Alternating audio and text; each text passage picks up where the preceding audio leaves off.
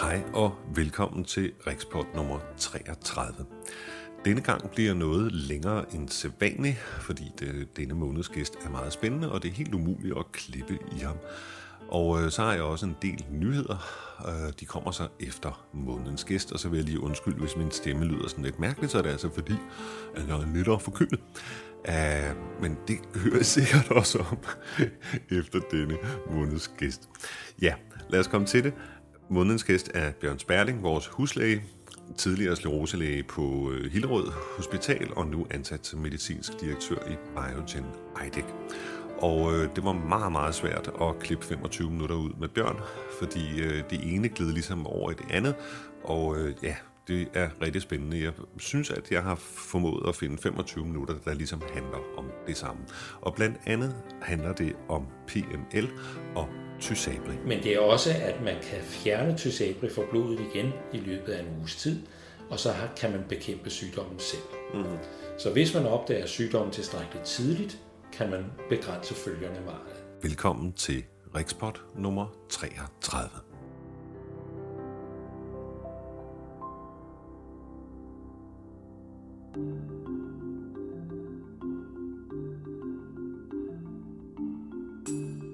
Men først lige ganske kort om, hvad det er, du kan høre efter Bjørn Sperling. Øh, du kan blandt andet høre mig spekulere lidt over, og det er ikke fordi, jeg egentlig når frem til nogen konklusion, men jeg vil sådan prøve at give et billede af, hvad det er for nogle overvejelser, man har sig som sklerosepatient, når man nu skal forholde sig til det her svineinfluenza. Øh, det synes jeg ikke har været let, og det har ikke været let at finde information, entydig information, hverken herhjemme eller i udlandet. Og øh, så vil jeg også fortælle lidt om, at Riksport er blevet indstillet til en europæisk podcastpris. Det lyder forløbig meget fornemt, men øh, ja, der har jeg også en opfordring til jer. Gå ind og stem på mig. Øh, og så vil jeg lige sige om Bjørn Sperling, inden vi går i gang med ham, at øh, han er tidligere ansat som skleroselæge på Hillerød sygehus, og nu ansat i Biogen Eidec som medicinsk direktør. Jeg har måske ikke fået det understreget tydeligt nok, da jeg interviewede Bjørn sidste gang, og det har jeg fået lidt på puklen for, fordi så er man jo ikke en neutral læge. Og øh, til det har jeg sådan et tillægsspørgsmål, der hedder, hvad er en neutral læge? Nå, men skidt med det. Um, I kommer ind i interviewet sådan cirka en øh, 25 minutter inde, og så bliver vi der cirka en, en halv times tid, og så går vi ud igen. Og jeg beklager altså, at det ikke har været, det har ikke været helt nemt at finde det rigtige sted at gå ind og gå ud, men det er fordi det hele det hænger sammen og er i øvrigt vanvittigt spændende.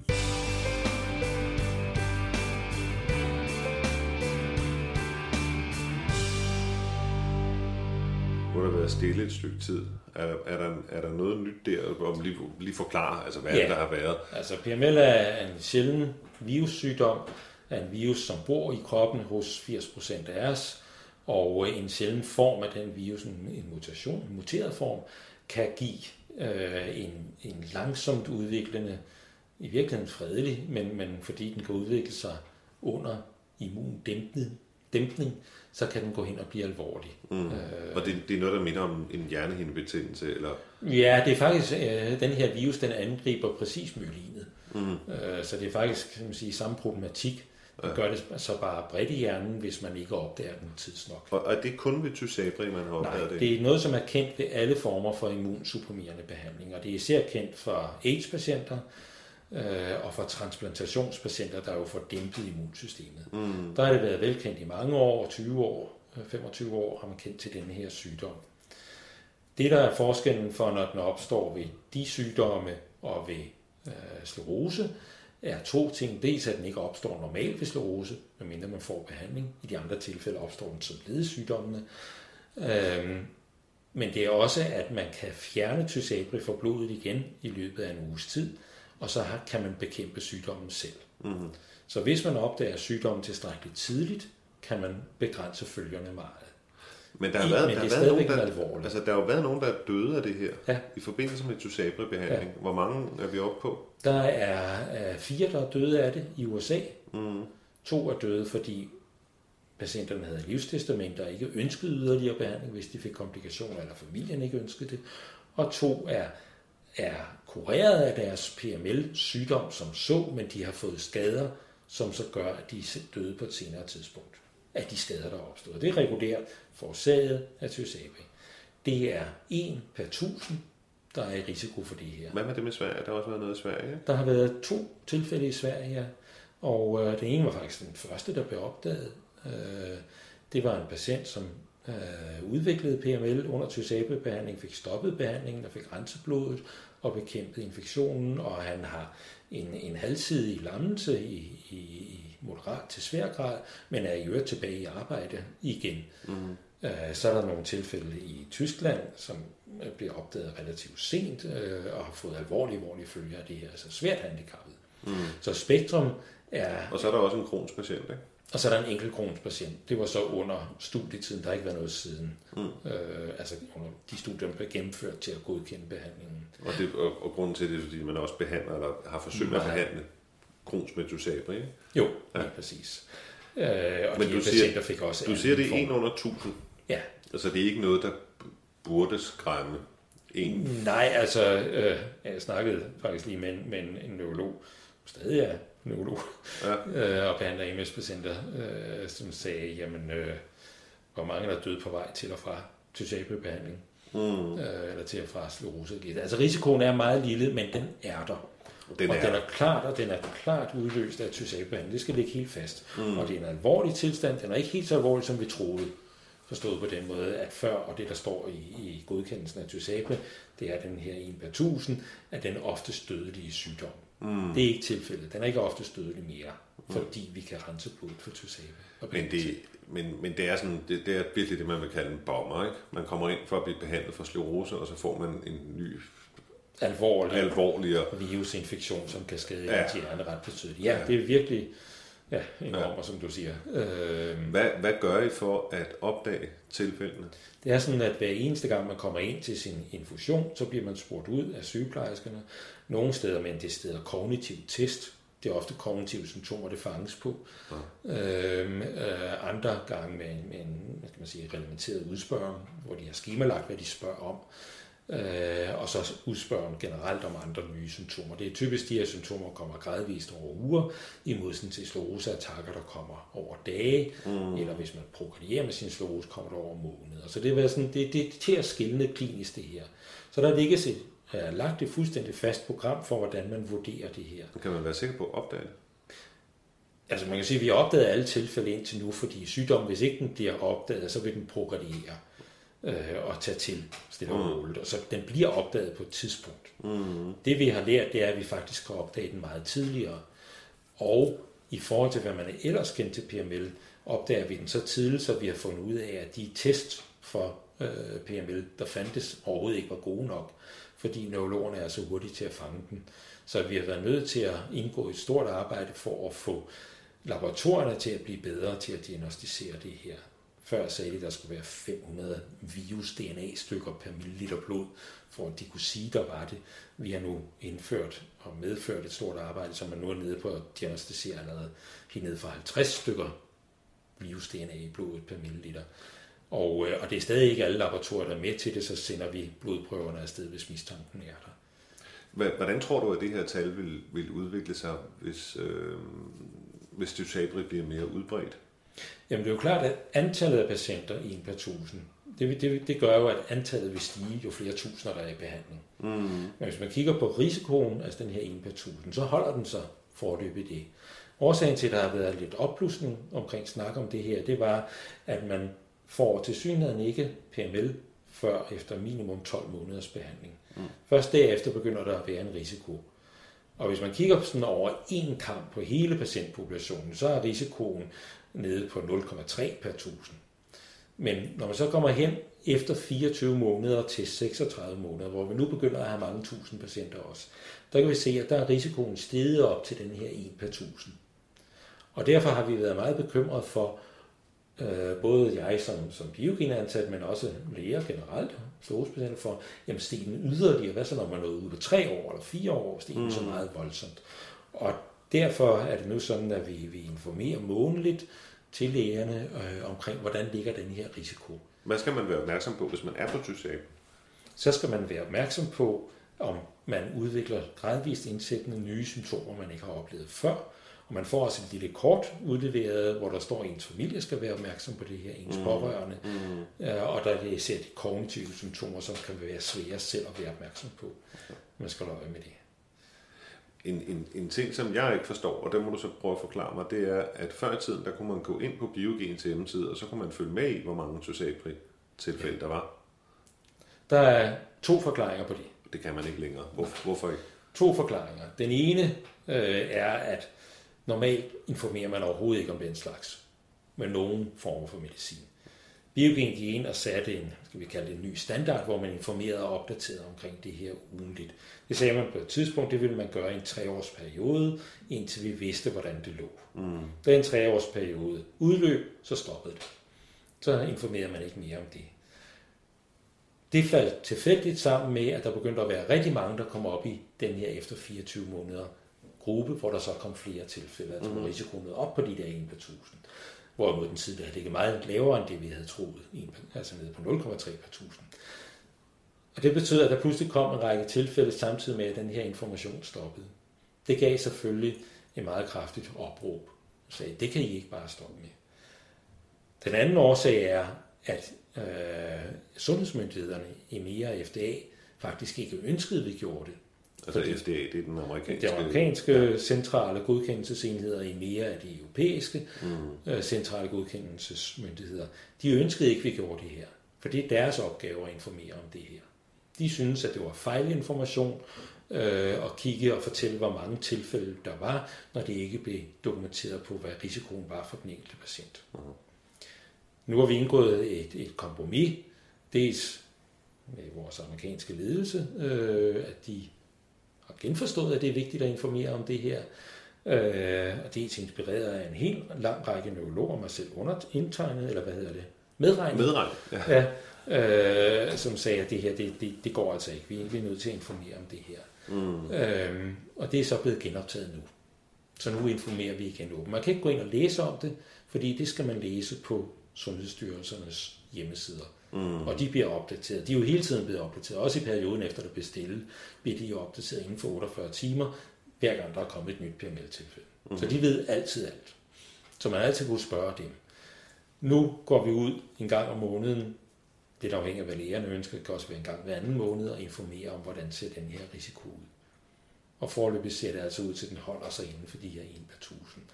Der er ikke indikation af, at vi får den her eksponentielle, altså meget voldsomme stigning, når vi når længere hen. Mm. Det ligner mere, at det bliver noget stabilt, eller en, der også falder. Det ved vi ikke endnu. Er der, kritikere, er der kritikere til tysabre behandling? Det må der jo næsten være. Ja, det er der jo. Der er helt klart kritikere, som siger, jamen det er for farligt, når man kan få den her form for behandling. Mm. Eller den her form for sygdom oveni, så skal man ikke gøre det. Til det må man jo sige, at hvis ikke man gør det, så hvis man kigger på øh, tysabe til den type patienter, vi behandler her i Danmark, jamen så vil der være omkring 300 moderat til svære skleroseattacker, som patienterne ville få, hvis ikke de var i tysabebehandling. Mm-hmm. Og for at citere en svensk neurolog, ham der havde den første øh, PML-case i, i Sverige, hun sagde, jamen, hvad skal han gøre? Fordi udkomme af PML kan være lige så, øh, eller udkomme af et kan være lige så slemt som PML og samtidig kan det være værre, og samtidig og oftere er PML det værste. Ikke? Altså, det er alvorligt. Det er ikke for at nedspille alvorligheden af den. Det er en alvorlig sygdom. Men vi ved med sikkerhed, at langt hovedparten af patienterne, som får tysabebehandling i Danmark, har en alvorlig sygdom, og de vil få nye at opbryde deres sygdom, de vil blive forværret over tid. Mm-hmm. Så det skal man sætte op mod risikoen 1 per 1000 for at få PML. Så hvis vi ved, at 200 vil få det dårligere med sikkerhed, og en risikerer at få PML, så må man vægte som person, som sklerosepatient og som læge, hvad, hvad skal man gøre her? Men det er vel også et udtryk for, at man ikke har fundet en medicin, der er god nok? Ja, eller en, som ikke har bivirkninger, men er god nok. Nå, men altså, prøv, prøv at lave sammenligningen, hvis, hvis vi nu sagde, at det, I producerede, det var en sikkerhedssel, ikke? Jo. En sikkerhedssel, der beskytter dig, hvis, hvis, du kommer, hvis du kommer ind i et attack. Ja. Altså, så det er en form for sikkerhedssel, men den, ja. den eneste ulempe den her sikkerhedssel, det er, at øh, en ud af tusind bliver kvalt i den. Bliver, bliver kvalt i den, ikke? Jo. Altså, så vil Men- den ikke være god nok. Nej, så vil den ikke være god nok, og det er den bestemt heller ikke endnu. Øh, men hele tiden, så skal man jo sætte det op mod, jamen, øh, hvis nu man så ikke bruger sikkerhedsselen, mm-hmm. jamen, så er der 200 andre, der ryger ud gennem forruden øh, mod den ene, der bliver kvalt i den. Ikke? Og så er det, man skal vælge, hvad er det, man gør? Øh, hvilke beslutninger tager man? Hvad er baggrunden for at, at behandle, ikke behandle? Ikke? Og man jeg skal huske at vægte det, sætte op mod hinanden. Men, men det er helt klart, at man vil jo helst have en behandling, som redder de 200 og undgår at kvæle den ene. Ja. Men den findes bare ikke endnu. Nej. Så den er ikke god nok endnu. Mm-hmm. Øh, men, men ingen tvivl om, at det er, er- vi er jo selvfølgelig meget ærgerlige over, at det her sker, og var det meget gerne for uden. Ikke? Øh, men omvendt må man også sige, at, at de moderne metoder, hvor vi meget gerne vil have noget, der er mindst lige så godt som Tysabri eller bedre, det skal man sige, det skal være kravet til ny behandling. Mm. De har alle sammen en eller anden form for det, man kalder opportunistisk infektion eller opportunistisk virkning. Ja, og det er klart, fordi Ja. at, at man har koncentreret behandlingen om at gå ned ind og dæmpe immunforsvaret. Ja. Og når man gør det, så, Ja. så blotter man sig jo. så blotter man sig lige ja. Præcis. Ikke? Så kan man sige, jamen hvis vi nu havde en behandling, der gik ind og virkede på årsagen til sklerose, Mm. hvis vi kendte den, ja. Og kunne gå ind og angribe den, jamen det ville selvfølgelig være bedre. Ja. Eller Ja. man kunne sige, at vi kunne gå ind og gøre noget ved de der memory celler, Ja. som, som bærer sygdomsinformationen, eller, Ja. eller hvad nu. Altså Ja. noget, der ikke manipulerer ved immunforsvaret, ja. så vil det være bedre. Ikke? Jo, Mm. og formentlig så ender vi op med en eller anden form for kombinationsbehandling. Der er så mange faktorer, der spiller ind i sklerosesygdommen, så den skal nok angribes vi- flere vinkler i, i en mildere grad, men fra, fra mange sider, og så på den måde forhåbentlig undgå nogle af, af bivirkningerne. Eller vi skal være bedre, som i, i Tysabes vedkommende. Forhåbentlig finder vi på et tidspunkt en test, den eksisterer ikke endnu, så, som kan screene patienter og sige, okay, du kan altså ikke få det her, fordi du har risiko for at få PML. Ja, det vil være genialt. Det vil være rigtig genialt. Ikke? Ja. Eller måske ved man, at man, altså, man er nødt til at tage den her vægtede risiko. Jeg har min sklerosesygdom, den har en vis grad af aktivitet. Hvad kan jeg gøre for nuværende? Mm. Jeg kan lade være at gøre noget, og håbe på, at jeg hører til den gode gruppe, men en femtedel vil altså høre til den meget dårlige gruppe. Ikke? Øh, Så det skal sættes op mod de ting. Det, det svarer jo lidt til øh, cancerterapi. Jamen, cancerterapi er sommer skadelig, i den grad farlig. Øh, men, men det er jo ikke det samme som, man lader være med at tage den. Mm-hmm. Øh, og i nogle tilfælde gør man det, og så lever man så lang tid, som man nu kan med det. Det må man vælge som den enkelte person, ikke? hvad man gør her. Men risikoen skal lige slutte af. Der, der er jeg nødt til at sige, nu er jeg ansat i Biogen igen. Ikke? Ja, det gør man. Øh, risikoen er 1 per 1000. Den er meget lille i forhold til de positive effekter, der er. Og det gælder også de nye mediciner, der kommer i øvrigt. De har også deres risici. Det er så ikke lige PML. Det er nogle andre Nej, nej, sygdomme. hvad er bivirkninger hvad? Der er bivirkninger, når man tager sådan noget effektivt. Vi har ikke drømmemedicin endnu. Nej. Så man skal huske at vægte det op mod, hvad sker der, hvis jeg ikke gør noget, og hvad sker der, hvis jeg gør noget. Mm. Og grunden til, at jeg stiller det kritiske spørgsmål, det er fordi, at når man går ud og snakker med sklerosepatienter, så er flertallet af dem, dem der bor uden for de her områder, hvor man kan få Tysabri, enormt sure over, at de ikke kan få Tysabri, og kalder det den, den nye vidundermedicin. Og så er der sådan en anden lejr, det er dem, der siger, uh, Tysabri, det er det der, man dør af. Mm. Altså, så, så det er også et, altså, grunden til, at jeg hiver fat i det, det er også fordi, at, at øh, jamen, informationen, eller i hvert fald spredningen af informationer blandt sklerosepatienter, er noget sådan sort-hvid-agtigt. Ikke? Øh, men, men jeg vil i hvert fald godt have lov til at understrege, at, at øh, der findes ikke en, i anførselstegn, ordentlig medicin eller vidundermedicin. Der findes ikke medicin nu, men vi er der jo trods alt så langt fremme, at vi kan give nogle bedre dårlige mediciner, end vi har kunnet gøre før, og der er flere af dem. Og det er måske i sig selv meget godt, men, men vi har ikke fundet vi har ikke fundet midlet endnu. Nej. Altså, der findes ikke nogen kur. Og ligegyldigt hvad det er for en medicin, man giver, så vil det altid være noget lort.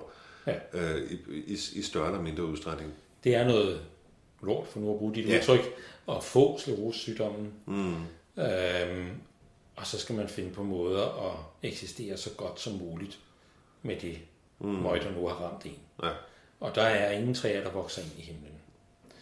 Træerne har ikke været ret høje under første behandling. Nej, og for 10-15 år siden var Ja. det der ikke engang. Og der var de der slet ikke engang, vel? Øhm, de er blevet meget højere, synes jeg jo, med, med Tysabri-behandlingen. Øhm, og, Og, øh, og for en gang skyld, og det er jo så en af de nye ting også på Ektrims, ser vi jo, at patientgruppe, som bliver bedre under behandling, det er ikke bare et spørgsmål længere om at bremse sygdomsudviklingen. De symptomer, man har af sygdommen, bliver faktisk bedre. Mm. Både for gruppen som helhed, og så er der nogen, der responderer rigtig godt. Øh, kan man sige, at de bliver bedre under behandling og, og for det, der, fysiske handicap. Og det, der er interessant, altså nu, ikke fordi jeg skal lave reklame for Tysabri, men altså jeg interesserer mig lidt for det kognitive, at Tysabri er vist og jeg ved ikke, hvor, hvor grundige undersøgelserne er, men Tysabri er vist den eneste medicin, som ovenikøbet går ind og hjælper på det kognitive i ja. modsætning til de andre mediciner, der er på Altså, det er jo et spørgsmål, jeg elsker i min nye funktion, ikke? Jo. Fordi Tysabri har klart dokumenteret det, men det har Avonex faktisk også. Har Avonex? Ja, okay, undskyld, som det Avonex. eneste, som ja. det eneste øh, af, af præparaterne.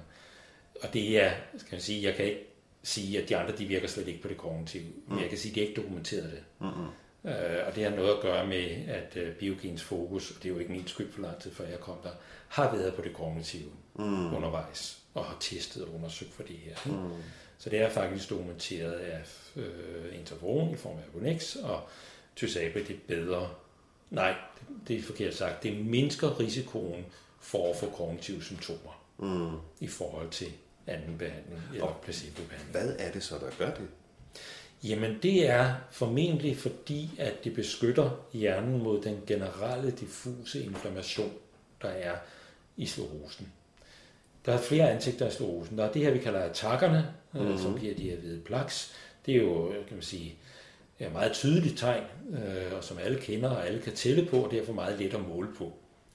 Og man har indtil nu i høj grad vurderet behandlingseffekt ved at kigge på antallet af attacker hvor meget kunne man reducere det, øh, og blive attackerne mildere. Mm. Men attacker har aldrig korreleret særlig godt med, hvordan det så ud for en sklerose patient på sigt. Mm. Hvor mange svære funktionsnedsættelser fik man på sigt, hvor handicappet bliver man på sigt, hvor mange kognitive symptomer. Det hang ikke sammen. Så det vil sige, man kan altså ikke sige, hvis man nu får rigtig mange attacker i starten, så bliver det nok en, en slem omgang. Over en stor gruppe vil man sige, sådan er det. Okay. Men hvis du går ind og tager for den enkelte patient og kigger på en MR-scanning og ser, at uh, der er masser af hvide pletter, jamen det er ikke det samme som det er dårligt mm. forløb hos den patient. Så du kan ikke gå ind hos den enkelte og sige, øh, jamen fordi du har tre attacker endnu, så har du et dårligt forløb. Du kan gøre det for en gruppe og sige det. Hvorimod man ved, at man er meget bedre i stand til i dag at gå ind og kigge på den følgerne af den diffuse inflammation, altså der, hvor vi taber nogle enkelte hjerneceller ude i hjernebarken, i den grå substans, det korrelerer meget bedre med, hvordan det går på sigt. Mm-hmm. Øh, både kognitivt, men også fysisk for den sags skyld. Og hvordan opdager man den diffuse inflammation? Jamen det opdager man så ved, ved nyere former for MR-teknikker, øh, hvor man er i stand til at kigge på det, vi kalder atrofi, altså mm. at hjernen bliver en lille smule mindre, hjernebarken bliver en smule mindre. Men, men men hvor kan man gøre det i dag? Hvor mange steder kan man gøre det? Det kan man gøre langt de fleste steder i dag. Uh, de, de fleste danske MS-centre, de har det, man kalder 3 Tesla-scanninger, som er gode til at kigge på det her. Mm. Man kan faktisk kigge på det her. Og der kan man så gå ind og kigge. Man har kigget på grupper af patienter og set med almindelig MR-scanning kigget på følgerne, altså de hvide plak, og også dem, der ikke giver symptomer, men altså hvide plaks, og se, korrelerer det forklarer det, hvordan udviklingen er 10 år senere eller 5 år senere. Og der er korrelationen noget til stede, men ikke særlig god. Mm. Og så går man ind og kigger på grupper af patienter og siger, jamen hvis nu hjernen inden for det første år eller to reduceres i hjernebarken, altså i tykkelsen af hjernebarken, altså der tabes nerveceller derude, uden man kan se nogle hvide pletter, øhm, og uafhængig af hvor mange hvide pletter der er inde i selve hjernen, i den hvide substans, jamen så korrelerer det voldsomt meget bedre med, hvordan man har det om 5-10 år. Så det er altså den diffuse betændelsestilstand, der er i hjernen. Så kommer man så ind og kigger på, jamen, hvad er så dokumentationen for effekt af de behandlinger, vi har på den del af store sygdomme.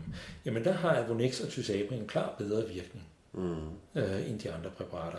For eksempel øh, Avonex, det har altså reduceret den her atrofi, som det hedder, udvikling med en vis faktor over tid, i forhold til hvis ikke man fik noget. Hvis du tager øh, nogle af de andre interferoner og giver dem en gang om ugen, ligesom Avonex bliver givet en gang om ugen, jamen så har de også tilsvarende beskyttelse. Hvis du giver dem tre gange om ugen eller hver anden dag, jamen så har de ikke den beskyttelse. Mm. på hjernebarken. De har til gengæld måske mere klar beskyttelse på antallet af attacker. Øh, hvor, hvor Avonex, der er, er den dokumentation ikke helt så stærk. Men op med samme procentuel reduktion, men det er helt klart, at indtrykket er blandt læger, at, at uh, attack-effekten er bedre uh, på de andre. Men til gengæld er der ikke dokumentation for effekt på atrofiudviklingen. Og det hænger jo så sammen med den kognitive effekt på sigt. Og det mest invaliderende er jo det kognitive. Det er det kognitive, og det mest invaliderende er jo naturligt navnet, eller ordlyden, at det er, er invaliderende at blive invalid på sigt. Det er mm. det, der tæller. Hvis vi kigger på de europæiske sundhedsmyndigheder og krav til, hvordan man skal dokumentere behandling, så er det handicapudvikling. Det er mm. ikke attacker, det er handicapudvikling. På trods af det vurderer vi i dag vores behandling på basis af attacker. Men jeg skal lige forstå det. Mm. Altså, det, det her med det kognitive, fordi det er det vanskeligt, og specielt for mig, fordi jeg har kognitive problemer. Øh, altså, hvordan hænger atrofien, graden af atrofi, sammen med graden af de kognitive problemer? Godt. Det, de følger hinanden meget udtalt. Men hvordan kan det være? Jamen det er jo fordi, at de kognitive problemer øh, ligger i mest i et diffust tab af nerveceller eller nervecellefunktion. Og det, så det er noget, ikke, der ligger det, i, i hjernebarken? I hjernebarken, i den grå hjernesubstans, den der ligger i foldningerne på oversiden af hjernen. Ja, altså det, der ligner blomkålet. Ja, lige præcis. Det er der, vores tænkeevne sidder. Det, der er nede i den hvide substans, det er der, hvor banerne for nervecellerne går. Ja, og rovdyrhjernen og Ja, lige præcis. Ja, og så nede i dybden, der ligger ja. også noget grå substans, som er vores primære hjerne, mm. øh, og den er også meget mere påvirket, end vi troede oprindeligt. Så den skrumper også meget. Øh, og jo tidligt i sygdomsforløbet, tidligere end vi troede. Så man taber altså hjerneceller i det, vi kalder den grå substans. Mm. Og den manglende sammenhæng mellem de hvide pletter, som var dem, vi kunne se på MR-scanningen for 10 år siden, øh, og netop kognitive symptomer, det skyldes, at der ikke er, er den store sammenhæng. Mm. Den ligger altså ved de skader, der sker i den grå hjernesubstans. Og det, for sådan en gammel sklerosepatient som mig, der har haft den her sygdom i over 15 år, og som ikke har haft særlig mange attacks, mm. vil det så ikke være relevant for mig, at, at gå op og banke på og sige, med den her viden, var der så ikke noget medicin, jeg skulle tage? Jo, hvis den havde en konsekvens. Mm. Det vil sige, hvis nu vi kunne gå ind og måle på dig og sige, jamen okay, min, min hjernebark den er skrumpet lidt, og det forklarer, hvorfor jeg har mine kognitive problemer. Øh, det er ikke godt, doktor, hvad gør vi nu? Mm. Hvis han så havde en behandling at tilbyde dig, så er det jo fornuftigt at gøre den scanning. Men, Men det har han ikke på nuværende tidspunkt. Kunne han ikke give mig Tysabra for eksempel? Øh, nej, det er ikke dokumenteret ah. hos de ikke attackvise former for sklerose. Mm-hmm. En af, når, når det så er sagt, så er en af de meget spændende nyheder øh, på Ektrims, øh, også på verdenskongressen her, det er, jamen, hvor stor betydning har betændelsestilstanden fortsat hos det, man kalder progressiv MS, altså den gradvise langsomt forværende MS, hvor der ikke er attacker eller ikke er mange attacker. Mm. Og der er faktisk en dansk gruppe sammen med en østisk gruppe, som meget, meget grundigt har dokumenteret, at der foregår kun progression i sygdommen, hvis der samtidig er inflammatoriske celler, altså betændelsesceller til stede. Mm. Og det rejser jo igen kravet om, at vi skal undersøge det her bedre.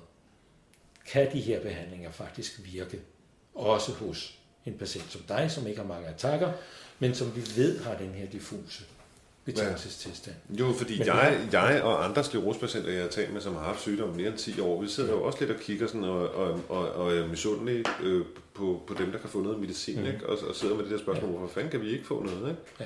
Og der er det, øh, vi talte jo sammen for inden, og jeg sagde, at der var noget spændende nyt her at komme med.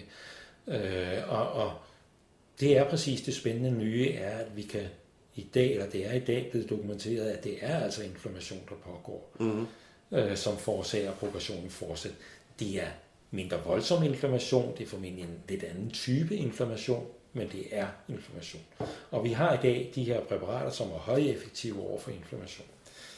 Jeg tror, det er et spørgsmål, om vi skal udvælge vores patientgrupper bedre, således at vi tester behandlingseffektiviteten ordentligt. Og så skal vi vælge vores måde at måle det på rigtigt. Vi skal jo ikke måle på attacker her. Nej, men hvad fanden måler man så på?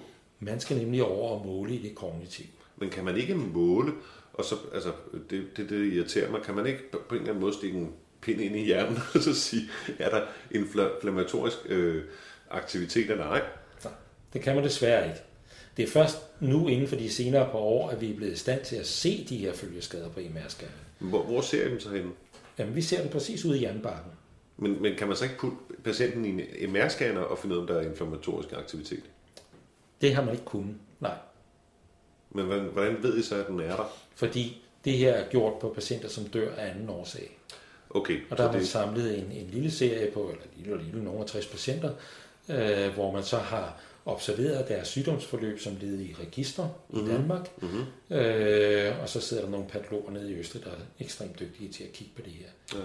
Og derfor er det samarbejde ført frem til at sige, jamen de patienter, som er prokarieret inden for de sidste år, før de dør, de har altså inflammatoriske celler. Dem, som har haft et stabilt forløb, til de dør af en anden årsag, jamen de har ingen, ingen anden inflammation. Mm-hmm. Så det er... Ja, det, kan det forklare de her, altså inflammatoriske aktivitet i hjernen, det vil formentlig også noget, der går op og ned. Mm. Øh, kan det forklare, og det, det er et long shot det her, men kan det forklare, hvorfor rigtig mange sklerosepatienter dokumenterer den her underlige influenza-lignende tilstand, som ikke er en influenza, og som kommer og går? Det kan meget vel være en del af forklaringen, ja. Mm. Og øh, vi ved for eksempel under Tysabri-behandling, som jo fungerer ved at stoppe inflammatoriske celler til at komme ind til hjernen, der ved vi, jeg ved det ikke 100% ting, men vi har en god fornemmelse af, at folk netop har mindre af den form for ubehag, mm-hmm. og de har mindre træthed.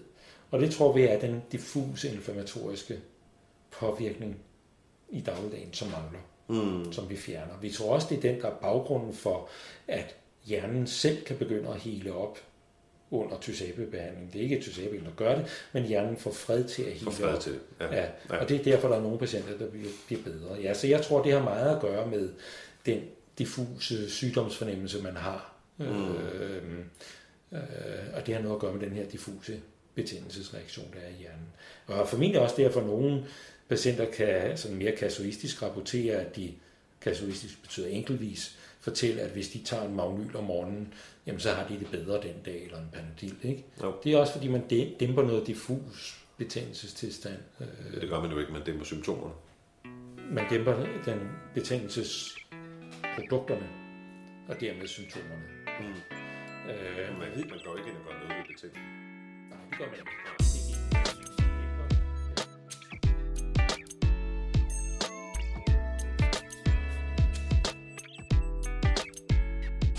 Tusind tak til Bjørn Sperling for at ville medvirke i dette podcast, og som du kan høre, bliver jeg nødt til at fade ud i snakken, for det var altså umuligt at finde et sted at lave et rent klip. Hvis du er nysgerrig, og det synes jeg egentlig godt kan betale sig, så kan du gå over og høre resten af interviewet på Media, og klikke ind der, hvor der står hele podcast-interviewet med Bjørn Sperling. Vi kommer ind på lidt omkring nyheder inden for skleroseverden og forskning, så kommer der alt det her om PML og Tysabri og følgevirkningerne og betændelsestilstande i hjernen. Og til sidst så bliver det sådan lidt småpolitisk og noget omkring behandling og diagnostisering i fremtiden. Men altså gå ind og lyt, det er morderligt spændende.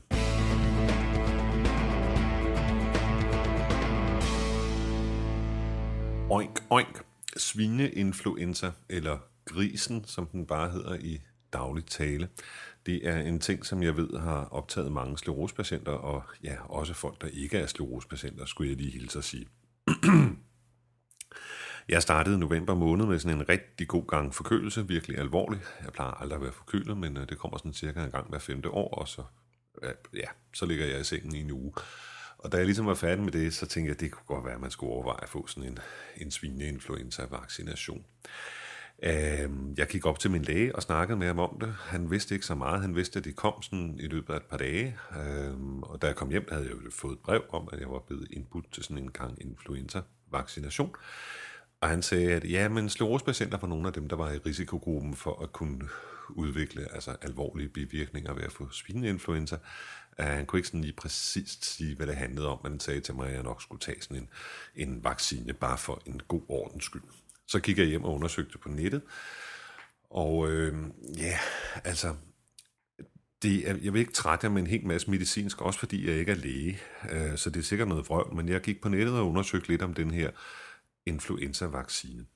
Og øh, der var sådan nogle paranoide konspirations... Øh, teoretiske hjemmesider, hvor der, hvor der stod en, en hel masse om, at det i virkeligheden var CIA, der havde udviklet den, og, og øh, den indeholdt øh, øh, alle mulige farlige, giftige stoffer, og man kunne blive både blind og døv og grim af det.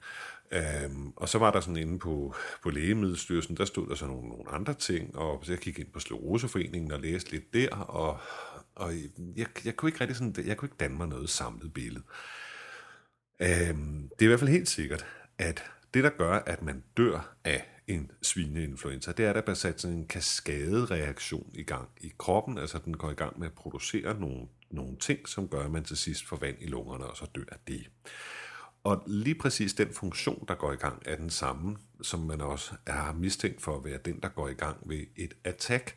Så altså op i mit hoved, og sandsynligvis også i Sundhedsstyrelsens hoved, øh, så er det jo sådan logisk at sige, at hvis det er de samme processer, der går i gang, så er det måske ikke så smart at få øh, svineinfluenza, hvis man er sklerosepatient. Fordi hvis svineinfluenzaen kan udløse et attack, når jamen, hvad gør man så?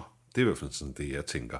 Fordi så skal man jo, når man får et attack, gå ind og dæmpe immunforsvaret. Hvis man dæmper immunforsvaret, så får svineinfluenzaen frit løb. Så ja, jeg tænkte, hvad, hvad pokker? Så er der også dem, der sagde, at når det her det indeholder altså øh, kviksøl. Selve vaccinen indeholder kviksøl, og kviksøl har jo også været sådan en, en ting, som man har øh, bekymret sig lidt om, om øh, ved sklerose. Altså man kan læse mange seriøse hjemmesider, der går ind og anbefaler en at få fjernet næsten hele munden på grund af kviksøl. Øh, så øh, ja, det undersøgte jeg så lidt. Der nåede jeg så frem til en meget beroligende konklusion, den at øh, der er seks gange mere kviksøl i en almindelig dåse tun fra Netto. Og sådan en spiser jeg der en gang imellem. Så jeg tænkte, det er nok ikke en ting, der skal bekymre en. Jeg gik op og fik øh, influenza-vaccinen, og der gik et par dage, og så begyndte jeg at få det meget, meget mærkeligt. Ikke som om jeg havde influenza, men jeg havde det bare rigtig mærkeligt i kroppen, og øh, jeg var sindssygt træt mere, end jeg plejer at være. Og så gik der en små 14 dage, og så fik jeg et mini-attack, og det er det underligste attack, jeg nogensinde har haft min på den måde, at der var sådan lidt prikken i ansigtet, da jeg lagde mig for at sove, og en halv time efter, og det var altså hurtigt, for mit vedkommende i hvert fald en halv time efter, sov hele venstre side af kroppen, og jeg havde det meget ubehageligt. Og så overvejede jeg at tage på ride, og så tænker jeg, åh nej, det gider du ikke. Så øh, jeg lagde mig til at sove, og næste morgen var symptomerne væk, altså den prikkende følelse var væk. Jeg følte, at venstre arm var meget mærkelig, og da jeg var ude at gå, kunne jeg også godt mærke, at balancen var påvirket, og jeg var vanvittigt træt. Altså, jeg kunne stå op og være op i to timer, og så måtte jeg ind og sove igen. Og så kunne jeg være op og være aktiv. Altså, jeg kunne sidde ved computeren måske en halv time eller sådan noget, og så var jeg fuldstændig skildret og træthed og måtte sove igen. Og det er så gradvist blevet bedre og bedre, og nu føler jeg sådan, at jeg næsten er tilbage i form igen. Der var en af mine veninder med slerose, øh, som skrev til mig, synes du, at jeg skal få taget øh, den her svineinfluenza-vaccine, ja eller nej? Og øh, jeg må skulle sige, at jeg er i tvivl. Jeg ved ikke, om, om det attack, jeg har haft, som godt nok ikke var særlig stort, om det var udløst af vaccinen. Jeg ved ikke, om, om det, at jeg har fået vaccinen, så beskytter mig mod at få fugleinfluenza, fordi jeg fik kun én vaccine, man skal have to, men jeg turde simpelthen ikke få den anden, fordi jeg ville ikke have det så, så mærkeligt. Jeg ved ikke, om det, at jeg havde det mærkeligt, det var forsaget af, af influenza-vaccinen, eller jeg ville have haft det mærkeligt at få et attack under alle omstændigheder. Jeg aner det ikke. Jeg aner ikke min levende råd. Jeg har ikke rigtig fået noget ud af at, øh, at læse på hverken danske eller udenlandske sider, og det er nok fordi, at den her øh, øh, hvad hedder det, fugl, nej, svineinfluenza-vaccine er så ny, så der er simpelthen ikke viden at hente. Hvis man går på den amerikanske, engelske eller, eller kanadiske skleroseforenings hjemmeside, øh, så ved de heller ikke rigtig noget. Det er sådan lidt blø, blø, blø, blø, blø, men få den for en sikkerheds skyld. Nej, den er nok ikke farlig-agtig. Så ja, lad os håbe, at øh, svineinfluenzaen ikke muterer yderligere, og det ikke skal være nogen grund til bekymring for os sklerosepatienter. Jeg mener, vi har sgu da bekymringer nok.